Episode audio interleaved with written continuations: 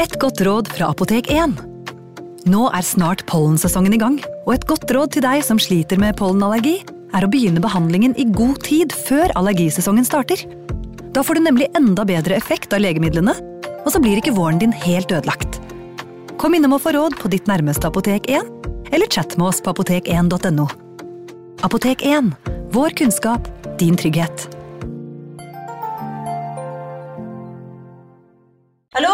Jeg kommer fra Oslo politikammer. Ine Jansen er purk. Er du purk? The motherfucking bitch. Alt jeg vil, er å finne ut hva som skjedde med mannen min. Jon Carew. Er jeg sikta for noe? Iben Akeli. Det er du. Ole So, Lars Berrum og Big Daddy Karsten. Hvem sin side er du på, egentlig? Anette Hoff, Tone Danielsen, Kommer du fra Afrika? Jørnis Josef, Nesten. Kløfta. Trond Espen Seim, Det er synd å si det, men det var feil mann som døde. Purk. Premiere tirsdag på TV2 Play. Advarsel. I denne podkasten vil du høre historier basert på informasjon programlederne har funnet selv. Programlederne står ikke nødvendigvis inne for meninger og syn som fremstilles. Noen påstander kan avvike fra virkeligheten.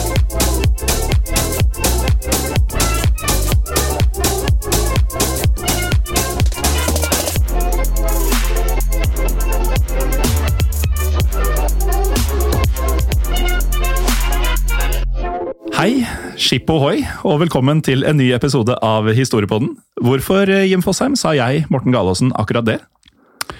Nei, det vet jeg. Hei, Morten!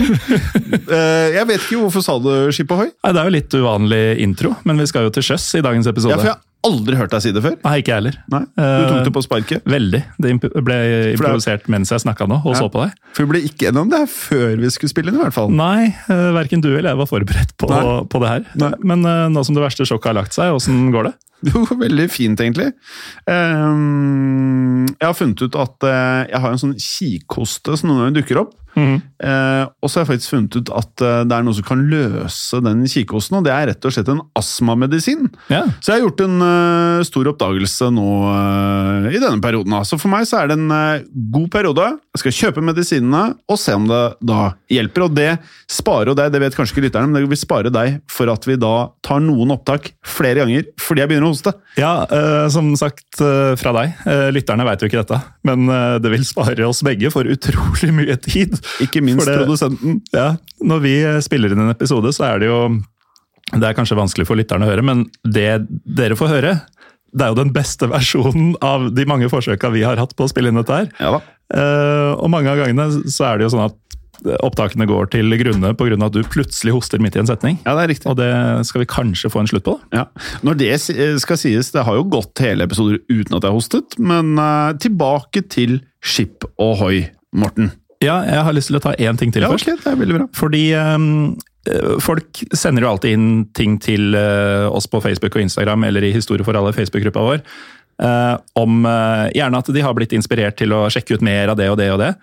Eh, Her om dagen så funka den influensinga som vi to driver med, på meg som Ja. programleder. Ok. For jeg satt eh, som mange ganger før og blausa gjennom en av disse streamingtjenestene og klarte ikke å finne ut hva jeg skulle se på. Og så var det en film som jeg aldri ville dvele ved eh, i utgangspunktet, som heter eh, Dracula Untold. Ja vel. Og grunnen til at jeg stoppa opp der, var at det sto uh, at det var historien om Vlad Cepers, oh. som vi jo har hatt episode om.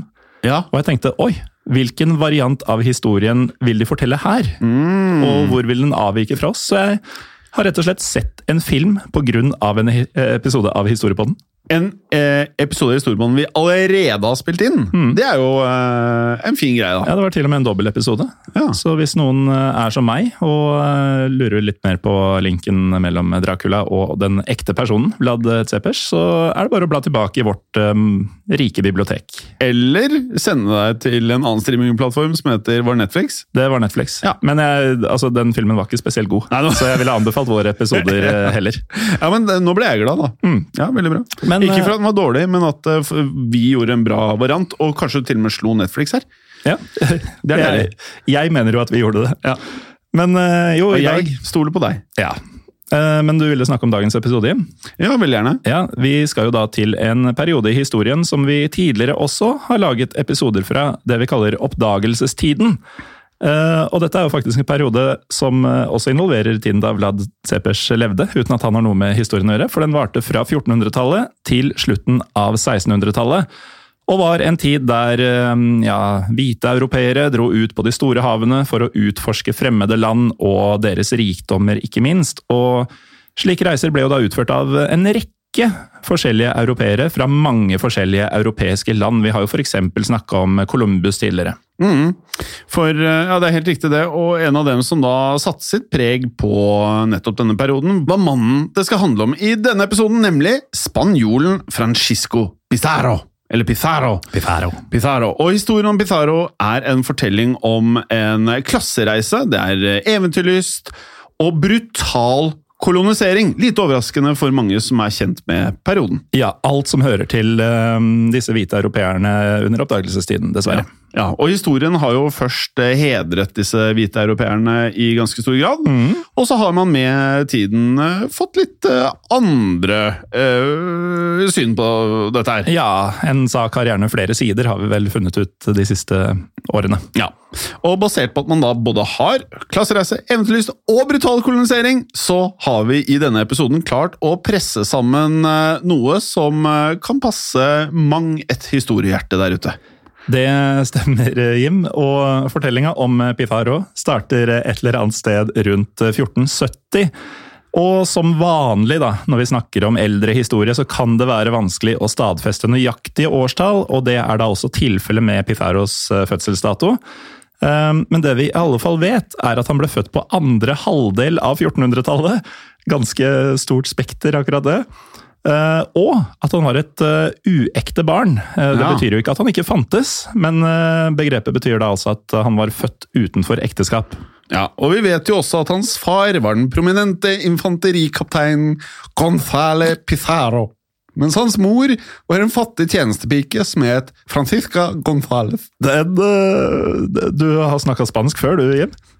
Ikke mye. Nei. Og siden Pizarro var født utenfor ekteskap, ønsket heller ikke faren å ha for mye med han å gjøre, noe som da førte til at Pizarro ikke fikk noen spesiell utdanning eller annen faglig oppfølging. Nei, og Pizarro ble da født i den spanske landsbyen Trujillo. Og lovene i Spania på denne tida gjorde også at Pizarro, som det uekte barnet han var, ikke hadde rett på verken arv eller midler fra noen av sine foreldre. Så derfor vokste Pifaro altså opp under svært harde kår, og måtte ta flere ulike strøjobber, rett og slett for å forsørge seg selv og sin mor. På tross av at eh, faren var relativt fraværende i oppveksten hans, så han likevel opp til faren og ønska å følge hans fotspor inn i militæret. Ja, Men man vet faktisk ikke sikkert Morten, om Pizarro faktisk gjennomførte sine planer om denne militærtjenesten, selv om de fleste kilder likevel gikk ut ifra at han gjorde det. Fra Pizarros barndom og ungdomstid finnes det det hele tatt lite kilder ifra, men vi har forstått det slik at han eh, tidlig fikk sansen for livet på sjøen, og at han begynte å drømme om oppdagelsesreiser til den i gåstein nye verden. Syns du det er greit at jeg sier Pizarro istedenfor Pizarro? Jeg sliter med Pizarro. Ja, og det er ikke umulig at lytterne sleit med det også, så kanskje vi skal bare si Pizarro fra Ja, meg. jeg tror det. Ja, og denne i gåsetegn, som du sier, nye verden, var da det europeerne på denne tiden kalte de uoppdagede landene i Amerika. Etter at Christoffer Columbus, eh, ja, kan si gåstein igjen, oppdaget Amerika for eh, i gåstein første gang i 1492, så skjønte flere land at det var mulig å hente store rikdommer fra disse områdene, og ønsket om å kolonisere disse ukjente landene var derfor stor da vi eh, kom inn på 1500-tallet. Ja, og allerede tidlig på 1500-tallet fikk Pizarro muligheten til å bli med på noen av de kortere ekspedisjonene mot den nye verden. Eh, Men det var likevel ikke før i 1510 at han virkelig fikk kjenne på dette ekspedisjonslivet. For dette året reiste nemlig Pizarro sammen med 300 andre menn på en oppdagelsesferd til det som i dag er kysten av Colombia. Og denne ekspedisjonen ble ledet av den høyt respekterte oppdageren Alonso de Ojeda. Ja, og Pizarro var selvfølgelig overlykkelig over å få lov til å være med på denne reisen. Men opplevelsen skulle bli langt mer dramatisk enn Pizarro hadde håpet på. Da de endelig kom fram til kysten av Sør-Amerika, og det er jo en ganske lang ferd hjem, eh, også i våre dager, Spania til Colombia, til sjøs, um, så gikk mannskapet i land og oppretta kort tid etter en koloni som de valgte å kalle San Sebastian. Problemet var bare at området de hadde valgt å erobre, hadde svært dårlige naturressurser, og det tok ikke lang tid før de var helt tomme for både mat og andre ting som er nødvendige for overlevelse. Ja, og da ble det klart at det heller ikke var mulig å gro mat i dette området. Eh, og når det var klart, så skjønte Heda at han ble nødt til å dra tilbake til Spania for å da hente proviant til mennene sine. Og Heda han valgte da å gi ansvaret for kolonien til nettopp Pizarro. Og Pizarro han tok stolt imot dette ærefulle oppdraget, men etter hvert som ukene gikk, og verken Pizarro eller de andre hadde hørt noe som helst fra Heda, så skjønte de at eh, ja, situasjonen var blitt håpløs. Ja, for etter hvert så var det altså ikke litt, men det var absolutt ikke noe mat å få tak i i dette området, og flere av mennene ble syke. Noen av disse døde også etter hvert av sykdom og av sult. Og da de hadde venta flere måneder på Oheda, så skjønte Pizarro at Oheda mest sannsynlig aldri ville vende tilbake med disse rasjonene som var planlagt og lovet. Og på dette tidspunktet så var det bare 100 av de 300 mennene som hadde vært med på reisen, som fremdeles var i live. Som leder av kolonien så bestemte derfor Pizarro seg for at de skulle dra videre, og heller finne et nytt område å kolonisere. Ja, og Pizarro han eh, bestemte da at de skulle reise til havnebyen Cartagena. Det er et navn jeg har mm, tenkt ofte på at jeg skulle gjerne sagt høyt. Cartagena. Cartagena? Ja, det er jo en by som eh, eh, ja, Nå er vi i Colombia. Det finnes også en by som heter det i Spania, som jeg har vært i. Mm. Den colombianske er vel kanskje mer eh, kjent fra Miami Vice og Ja, andre serier som er handler om det. den type ting. Ja, helt riktig. Og i Cartagena kunne de da fylle opp med både mat, de kunne fylle opp med drikke og andre nødvendige varer som de da trengte for å reise videre. Og da kan man jo spørre seg eh, hvorfor Oheda ikke bare dro dit for å hente rasjoner, Ja, i stedet for å reise helt tilbake til Spania. Ja, for eh, da de kom frem til Cartagena, fikk de også vite at ingen hadde hørt noe som helst fra Hoeda der heller. I dag vet vi likevel litt mer om hva som faktisk hendte med Oheda, eh, etter at han da forlot Pizarro og resten av mannskapet. Ja, for som vi var inne på, så dro jo Oheda sammen med et mindre mannskap for å skaffe forsyninger. Dessverre for Oheda og hans menn så gikk skipet på grunne et sted utafor Cuba, og alle rikdommene de hadde med seg, sank til bunnen av havet. De eh, aller fleste av dette lille mannskapet til Oheda de drukna også etter at skipet sank, men Oheda han klarte på mirakuløst vis å komme seg i land. Eh, Men han hadde jo da mistet alt han eide, og var derfor rett og slett blitt en fattig mann. En svært fattig mann etter dette forliset. Ja, og våre kilder forteller at Oheda faktisk eh, søkte ly hos noen munker i et kloster, og at han da faktisk levde der resten av sine dager, Morten. Ja, og det Skal du først i et kloster, så er det jo greit å være forberedt på å bli der resten av livet. Ja. Eh, Det er vel også et sted som det er greit å være hvis du først ikke har noen ting selv. Ja, det er Lite helt å riktig. forsake. Mhm. Så, um, men videre her, Pizarro han eh, visste ingenting om sin tidligere leders eh, skjebne, selvfølgelig, idet han da ankom Cartagena, og brydde seg heller ikke nevneverdig om hva som hadde skjedd med Oheda. Så Pizarro han hadde bare én tanke i hodet på dette tidspunktet, og det var å fortsette ekspedisjonen. Han var målretta, Morten. Det var den. Eh, For han skulle finne nytt land som da kunne underlegge Spania og han selv. Og vi vet jo fra tidligere episoder av Historiepodden, disse oppdagerne de er opptatt av å bli kjent. De er opptatt av å bli husket i historien. Ja, for dette er jo deres mulighet til å altså Vi kalte det Den nye verden. Det er jo fordi eh, store deler av den hadde jo ikke navn. Nei. Du kunne bokstavelig talt sette ditt navn på kartet. Og på eh, ja, områder som kunne skaffe rikdom til eh, nasjonen. Så det var stor stolthet i det òg. kort tid etter at Pizarro hadde ankommet eh, Cartagena, så kom han i kontakt med en annen oppdager, som het intet mindre enn eh, Vasco Núñez Balboa. Og Balboa han var i likhet med Pizarro besatt av å utforske den nye verden, og de to bestemte seg derfor for å slå seg sammen. Og dette var et samarbeid som raskt skulle bære frukter, for eh, kort tid etter at de møttes, så etablerte de en ny koloni i dagens eh, Panama, som de kalte Darien. Ja, Og Darien ble da også Spanias aller første stabile koloni. Altså viktig sånn rent historie, selvfølgelig. Eh, som da var på dette søramerikanske kontinentet. Eh, både Pizarro og Balboa skjønte at de var et relativt godt team. Eh, og noen år senere, da er vi fremover i tid til 1513, så dro de nok en gang ut på en ny reise sammen. Og denne reisen resulterte i at eh, Pizarro og Balboa ble de aller første europeerne som har oppdaget det havet som vi i dag refererer til som Stillehavet. Ja, og Det i seg selv er litt morsomt, for hvis man ser på kartet og ser hvor både Colombia og Panama er, så er man jo i praksis gjennom til Stillehavet allerede. Så det skulle ikke så mye til da, fra der de var til uh, dit det kom, men Nå- likevel. Nå sitter det nok lyttere som ikke har samme geografiske sans som deg og tenker sånn ok, Ja. men da er det bare, det er veldig enkelt, for du hører jo sikkert på historiebåten på mobilen din. Da flikker du opp Google eller eh, Safari, eh, eller hva du måtte ha, og så googler du rett og slett eh, Stillehavet, så vil du se det. Ja, Eller gå inn på Google Maps og bare søk på Panama, f.eks. For Så ser du at det er en liten flik av land mellom Gulfen og Stillehavet. Ja, veldig bra. Uansett Har du vært der også, forresten? Nei, jeg har vært i Stillehavet, uh, men ikke så langt sør. Forholdet mellom uh, Pizarro og Balboa det starta kanskje bra, men uh, dette var et vennskap som uh, ja, kort tid etter at de hadde oppdaga Silhavet, skulle ta en ganske brutal vending.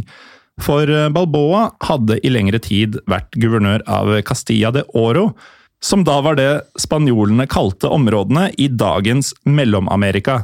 Og året etter at Balboa og Pizarro hadde oppdaget eh, Stillehavet, nå er vi altså i 1514, eh, så mistet han, altså Balboa, derimot denne tittelen, og guvernørrollen ble gitt til Pedro Arias Davila. Ja. Pizarro ble raskt god venn med Davia, og hadde ikke noe mot at han ble Castilla de Oros nye guvernør. Men Balboa på sin side var ikke like fornøyd med å miste stillingen sin. I årene som fulgte, viste Balboa sine misnøye opptil flere ganger over at Davia hadde fått denne stillingen, og i 1519 hadde guvernør Davia fått nok av Balboa. Davia mente at Balboa ikke var til å stole på, og han ba derfor Pizarro om å arrestere sin tidligere leder. Pizarro likte som sagt Davia veldig godt, og gjorde akkurat som han fikk beskjed om. Og Dermed så ble Balboa stilt for retten og faktisk eh, dømt til døden for forræderi. Og etter at Balboa hadde blitt halshugget i 1519, ble Pizarro på sin side belønnet av Davila for sin lojalitet. Davila utnevnte bl.a. Pizarro til borgermester av den nyetablerte byen Panama City, eh, som fortsatt eksisterer i dag, i beste velgående. Absolutt. En eh, stilling han så hadde fram til 1523, altså i fire års tid. Selv om dette var en stor ære for Pizarro, så klarte han likevel ikke å slutte å drømme om nye land og nye rikdommer i årene som fulgte. Ja, det er riktig det, og disse drømmene ble ikke mindre da Pizarro fikk møte oppdageren Pascuel de Andagoya. Andagoya ble nemlig i 1522 den aller første europeeren som reiste til de sørligste delene av Sør-Amerika, og der oppdaget han eh, områdene rundt dagens Peru. Og Adagoya han eh, måtte avbryte reisen sin, rett og slett pga. sykdom. Men de historiene han kom tilbake til Panama med, tente en flamme i Pizarro og en rekke andre eventyrlystne mennene som var rundt Pizarro. Ja, for Andagoya la på ingen måte skjul på det han hadde sett på reisen. Han eh, fortalte historier om ubegrensa rikdom og hele landsbyer dekka av gull. Og Andagoyas eh, fortellinger var faktisk også delvis sanne, for det hørtes ut som han hadde lagt på ganske mye kjøtt her eh, hjem. Eh, For han hadde jo vært og besøkt urbefolkninga i Peru, og det var et faktum at de hadde store rikdommer hos seg i form av nettopp gull og edelsteiner. Ja, men slik han beskrev det, Morten, så høres det nesten ut som en episode av Donald Pocket, Ja. hvor onkel Skrue og Ole Dole Doffen er i et eller annet sånn fantasiland hvor det er brus i elven, og det er gull på takene og på stedene, sånn at onkel Skrue kan plukke opp ting. Ja, og så er det alltid en eller annen sånn eh, lurvete Frans som eh, kommer med dette tipset til onkel Skrue, og det er akkurat samtidig er han der Rikerud eller Gulbrand Gråstein eller hva de heter alle sammen, er også rett rundt hjørnet og får med seg dette. Og Ja. planlegger akkurat den samme turen. Ja, Og etter onkel Skrue har fått alle verdiene, så kommer Bengen og tar det. Ja. Uansett, ehm, det var eh, likevel rykte om denne byen som ble beskrevet i gull, som de aller fleste var opptatt av selv, om akkurat denne delen av beretningen fra Andagoya var, som vi da etablerte noe overdrevet her, da. Eh, For på denne tiden så gikk det allerede flere rykter om en forgylt by som skulle da eksistere et eller annet sted i Sør-Amerika. Og Nagoyas fortellinger ga derfor nytt liv i dette håpet om å finne denne byen. Så det, det blir jo nesten litt sånn skattejaktaktig, dette her, da. Ja, rett og slett. Ja. Og denne forgylte byen ble også av mange omtalt som, og her kommer de fleste lytterne til å kjenne igjen eh, stedsnavnet, nemlig Eldorado. Eldorado, ja. Det er mange sangtitler eh, opp gjennom åra. Og en kino i Storgata. Ja, som nå er en eh, bokhandel i Storgata. Veldig riktig. I Oslo. Og ikke i Storgata, men i Torgata. Eh, også riktig. Ja. Da Pizarro fikk høre disse ryktene, bestemte han seg altså straks for at han ønsket å dra på en ny ekspedisjon, og denne gangen til Peru. Ikke nok med at eh, Andagoya med egne øyne hadde sett rikdommene som befant seg der, men Pizarro hadde også en slektning som i samme tidsrom hadde vært på en lignende ekspedisjon, med stort hell. Ja, og denne slektningen var Hernan Cortés, som var en erobrer som da i 1521 klarte å erobre dagens Mexico fra selveste aztekerne, altså befolkningen som da levde her på dette tidspunktet. Imponerende. Nettopp.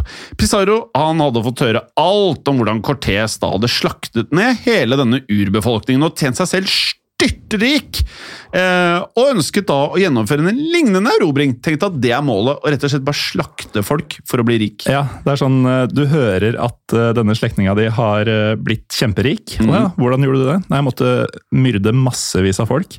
Ok, men det vil jeg også gjøre, for jeg Ja. vil også bli rik. Det er eh, litt andre tider. Eh, så det aller første han da gjorde, var å finne noen å samarbeide med.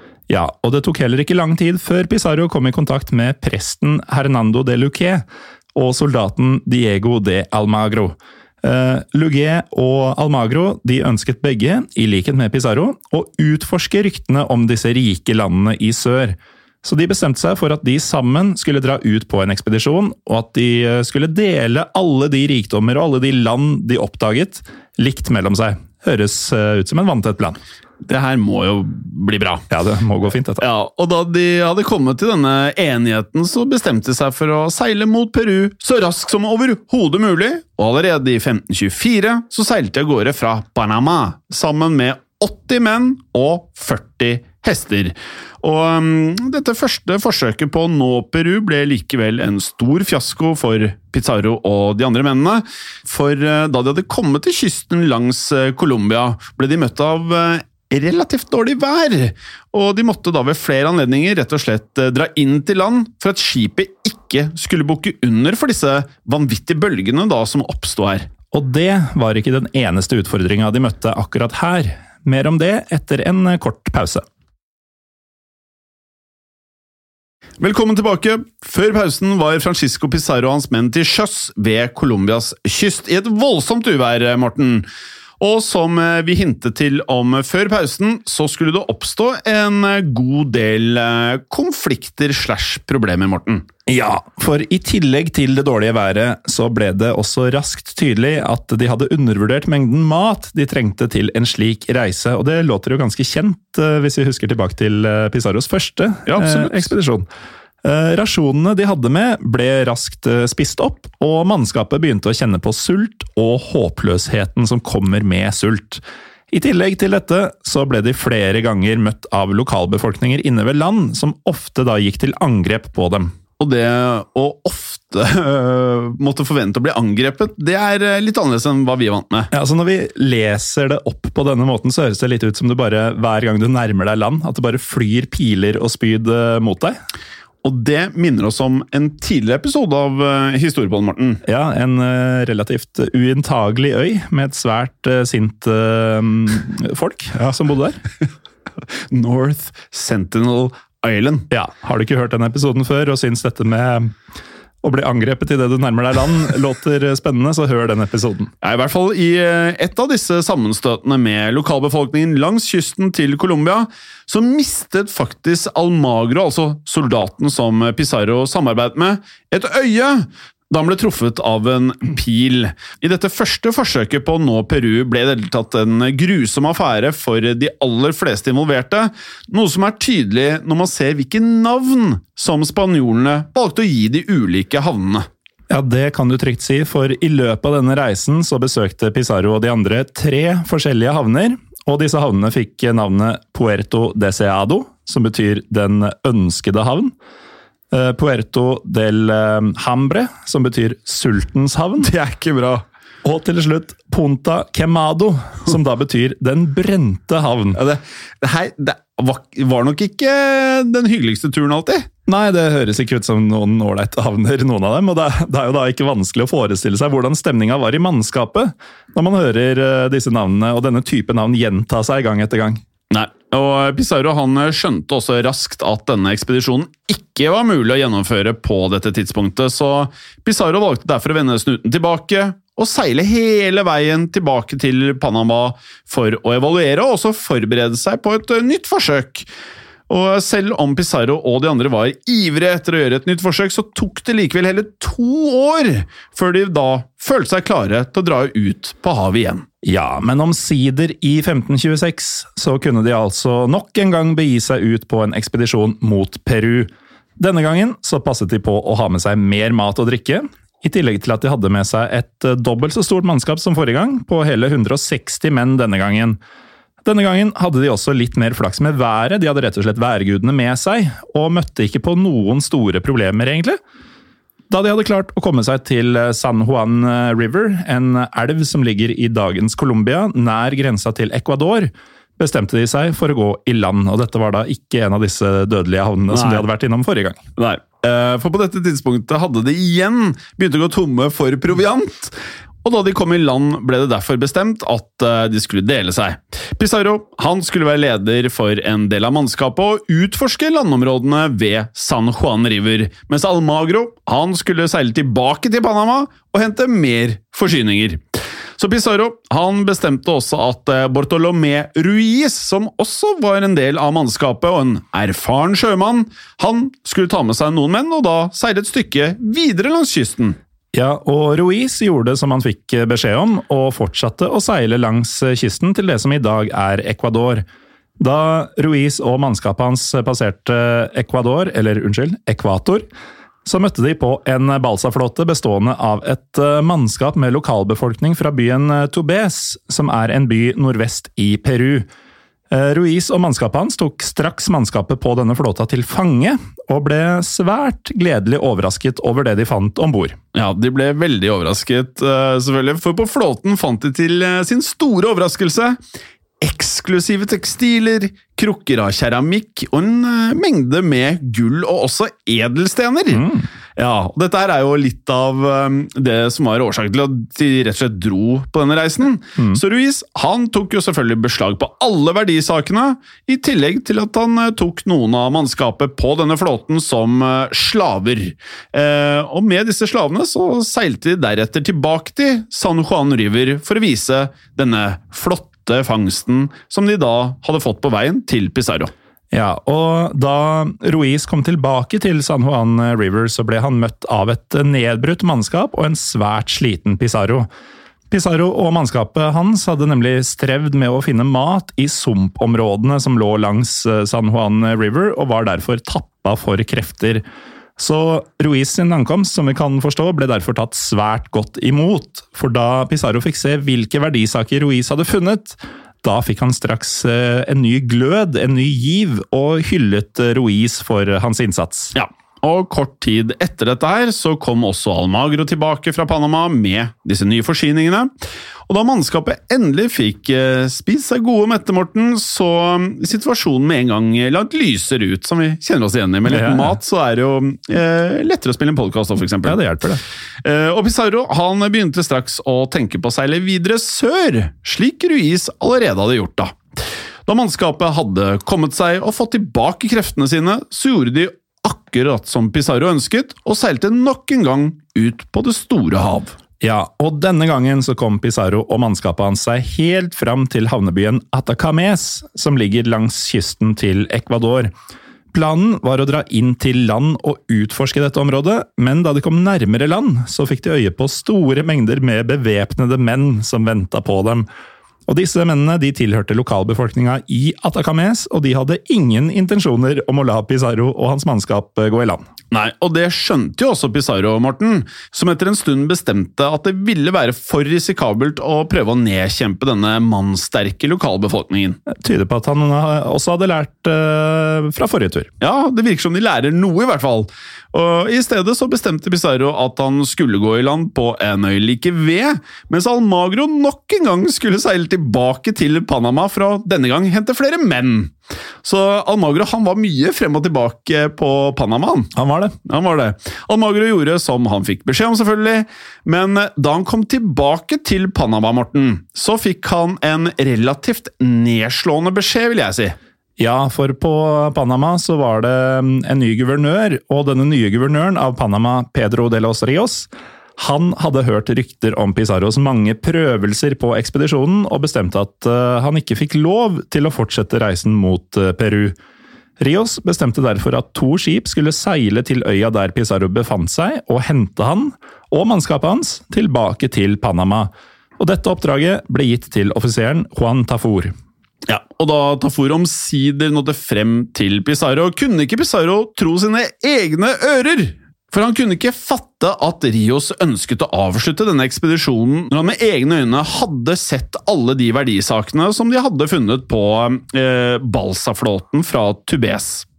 Tafur han prøvde gang på gang å overtale Pizarro til å bli med han tilbake til Panama, men Pizarro han nektet plent, og fortalte at han aktet å fortsette ekspedisjonen akkurat akkurat sånn som var planlagt. Ja, så Tafur han måtte til slutt innse at han ikke kom til å klare å overtale Pizarro, og seilte dermed tilbake til Panama med brorparten av Pizarros mannskap. Det var kun 13 menn som valgte å bli igjen sammen med Pizarro og fortsette ekspedisjonen.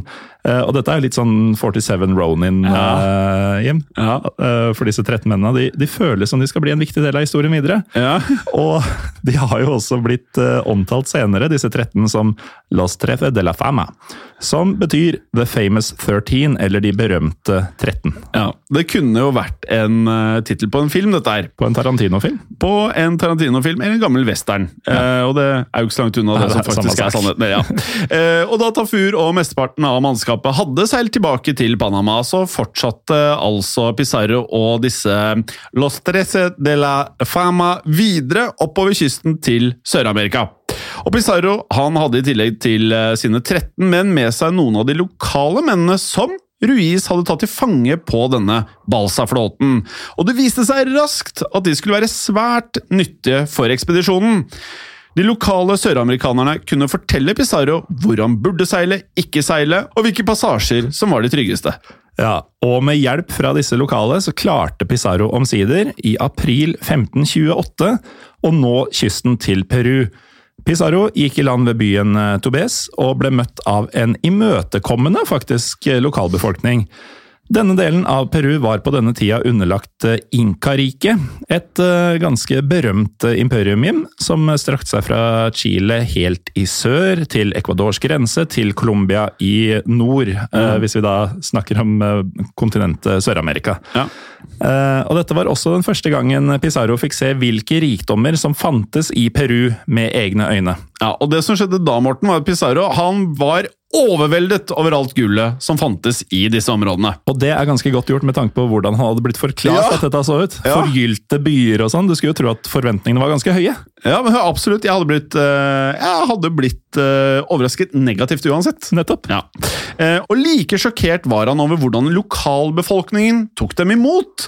For ikke bare fikk de mat, de fikk husly, men lokalbefolkningen ga dem også gaver i form av nettopp edelstener og også tekstiler. På tross av vennligheten så skjønte likevel Pizarro at han ikke hadde nok mannskap til å kunne erobre disse områdene på dette tidspunktet.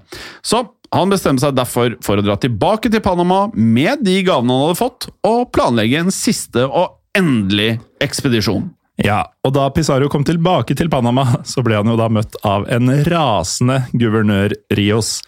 Eh, Rios han ønsket ikke å høre på det Pizarro fortalte om Inkariket og rikdommene han hadde sett der. I stedet så la han ned forbud mot at Pizarro skulle dra på en ny ekspedisjon for å erobre disse områdene. Og det var da Pizarro bestemte seg for å avlegge den spanske kongen Carl 5. et besøk. Han Rios kunne kanskje vært litt mer imponert, eller? Rios uh, syns jeg virka som en litt vanskelig type. Uh, uansett, Pizarro han tok med seg de gavene han hadde fått fra Inkariket, i tillegg til en liten uh, ja, flokk med lamaer, som han da også hadde tatt med seg, og avla den spanske kongen et besøk. Mm. Og da Pizarro viste kongen de rikdommene som fantes i Inkariket, samt denne flokken med lamaer, så tok det ikke lang tid før han fikk kongens velsignelse til å dra på en ny ekspedisjon for å erobre alle disse områdene. Tror du det var tekstilene og edelsteinene og gullet og sånn, eller lamaene som bikka kongen over til å si ja? Jeg skulle likt å si lamaene, men jeg tror det var edelsteinene. Jeg, jeg, liker å tro at det var lamaene. Altså. Ja, ok. Det er fair. uh, uansett, han fikk jo da um, velsignelse fra kongen, og kunne dermed i 1531 dra på nok en ekspedisjon mot Peru, sitt uh, tredje forsøk. Da Pizarro og mannskapet omsider kom seg fram til Tobes, så var byen de hadde besøkt noen år tidligere, blitt totalt forandret. Mm. For alle de flotte bygningene i byen var brent ned til grunne, og det viste seg at inkaene nå var i en borgerkrig. Ja. Pizarro fikk også vite at inkaenes keiser, Atahualpa, befant seg i en by lenger sør i landet som het Cajamarca. Ja, og Pizarro han bestemte seg straks for å oppsøke denne keiseren og begynne å ri langs inkaenes egne veier. Atahualpa han fikk raskt høre at det var noen fremmede menn som var på vei mot han, men han ga likevel beskjed om at Pizarro og mennene hans skulle få fritt leie, fordi han da var nysgjerrig på hvem disse her var, og hva de ønsket. Og dermed kunne Pizarro og mennene hans da uten vanskeligheter komme seg helt frem til Atahualpas palass.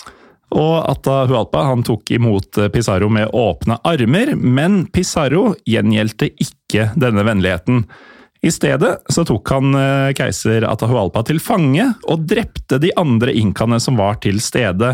Vi snakka litt innledningsvis om at det er brutale ja. greier her. Dette er jo ikke Altså, de, Han ene er dødssnill, han andre vil bare drepe alle og bare ta alt som er av verdisaker. Ja, og deretter så fortalte Pizarro at uh, Atahualpa skulle få lov til å slippe fri hvis han fylte et rom av gull og edelsteiner, som de så kunne ta med seg tilbake til Spania.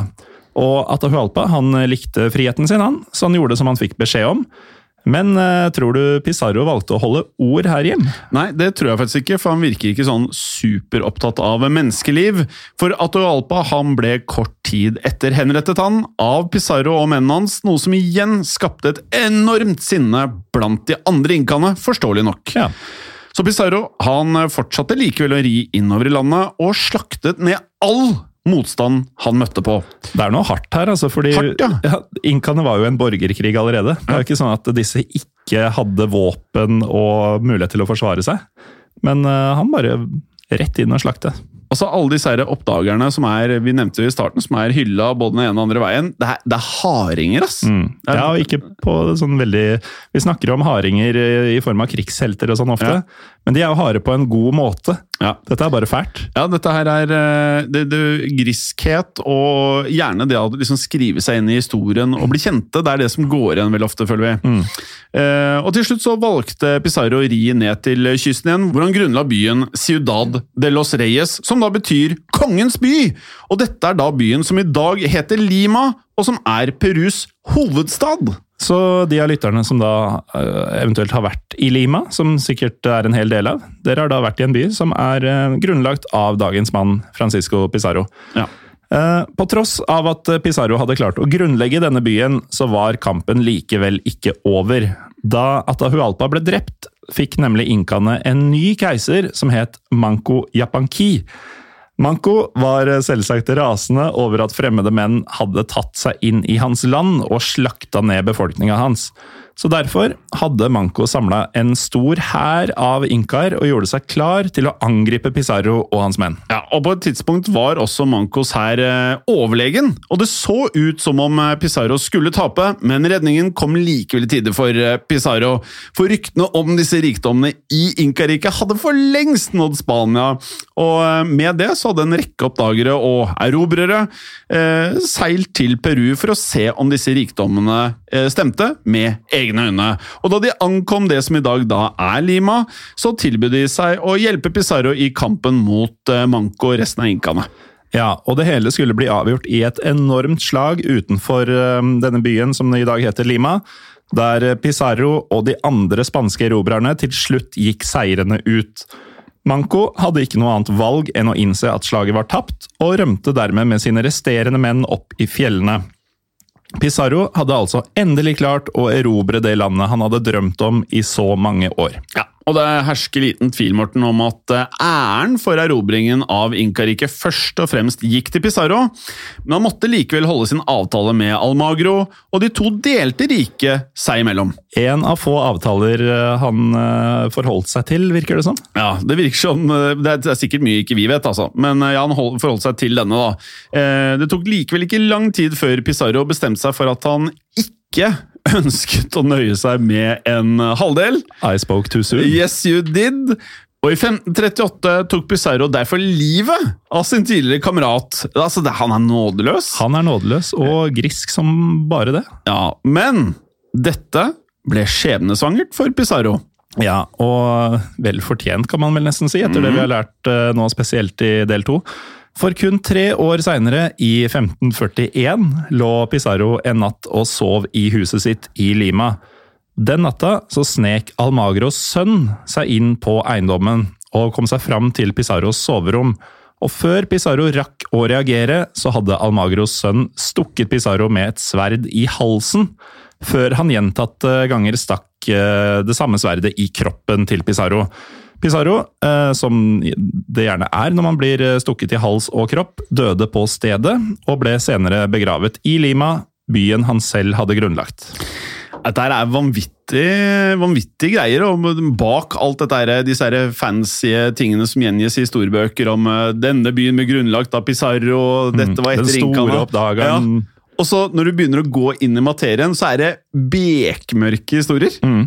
Fæle folk, rett og slett. Ja, fæle folk. Um, og vi kan jo da si at dette blir jo eh, Det er jo ikke første, men det blir i hvert fall ikke siste episode om eh, en hvit europeer som eh, skulle ut og erobre kontinenter. Som tar seg til rette. Ja. Um, med det, folkens, så kan dere følge oss på Facebook og Instagram. Der heter vi Historie på Norge. Vi har mm. en Facebook-gruppe som heter Historie for alle. Ja, og som nevnt eh, tidligere i episoden, så er det jo et eh, egnet sted, eller alt det du nevnte nå er egentlig egnede steder, for tilbakemeldinger, tips om episoder, eh, gjerne diskusjoner rundt noe vi har laget, eller noe dere syns vi burde lage, så videre.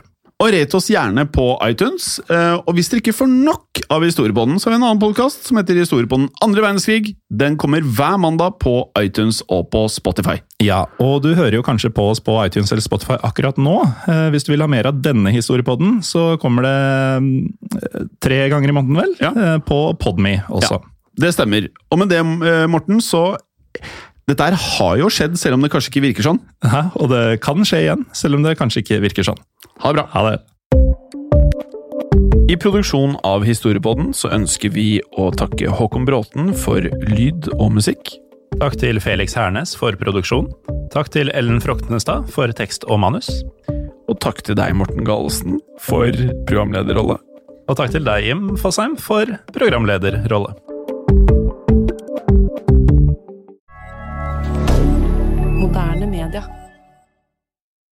Har du et enkeltpersonforetak eller en liten bedrift? Da er du sikkert lei av å høre meg snakke om hvor enkelt det er med kvitteringer og bilag i fiken, så vi eh, gir oss her, vi. Fordi vi liker enkelt. Fiken superenkelt regnskap. Hei, og takk for at du lytter til Historiepodden. Skulle du ønske at du kunne høre en ny episode av Historiepodden hver eneste uke? Vel, da er det én ting å gjøre. Da kan du laste ned podkastappen Untold med det samme. For i tillegg til ukentlige episoder av podkaster som Historiepodden andre verdenskrig, Henrettelsespodden og også Gangsterpodden, så får du masse annet reklamefritt og også eksklusivt innhold. Last ned Untold i AppStore eller Google Play og start din 30 dagers gratis prøveperiode allerede i dag.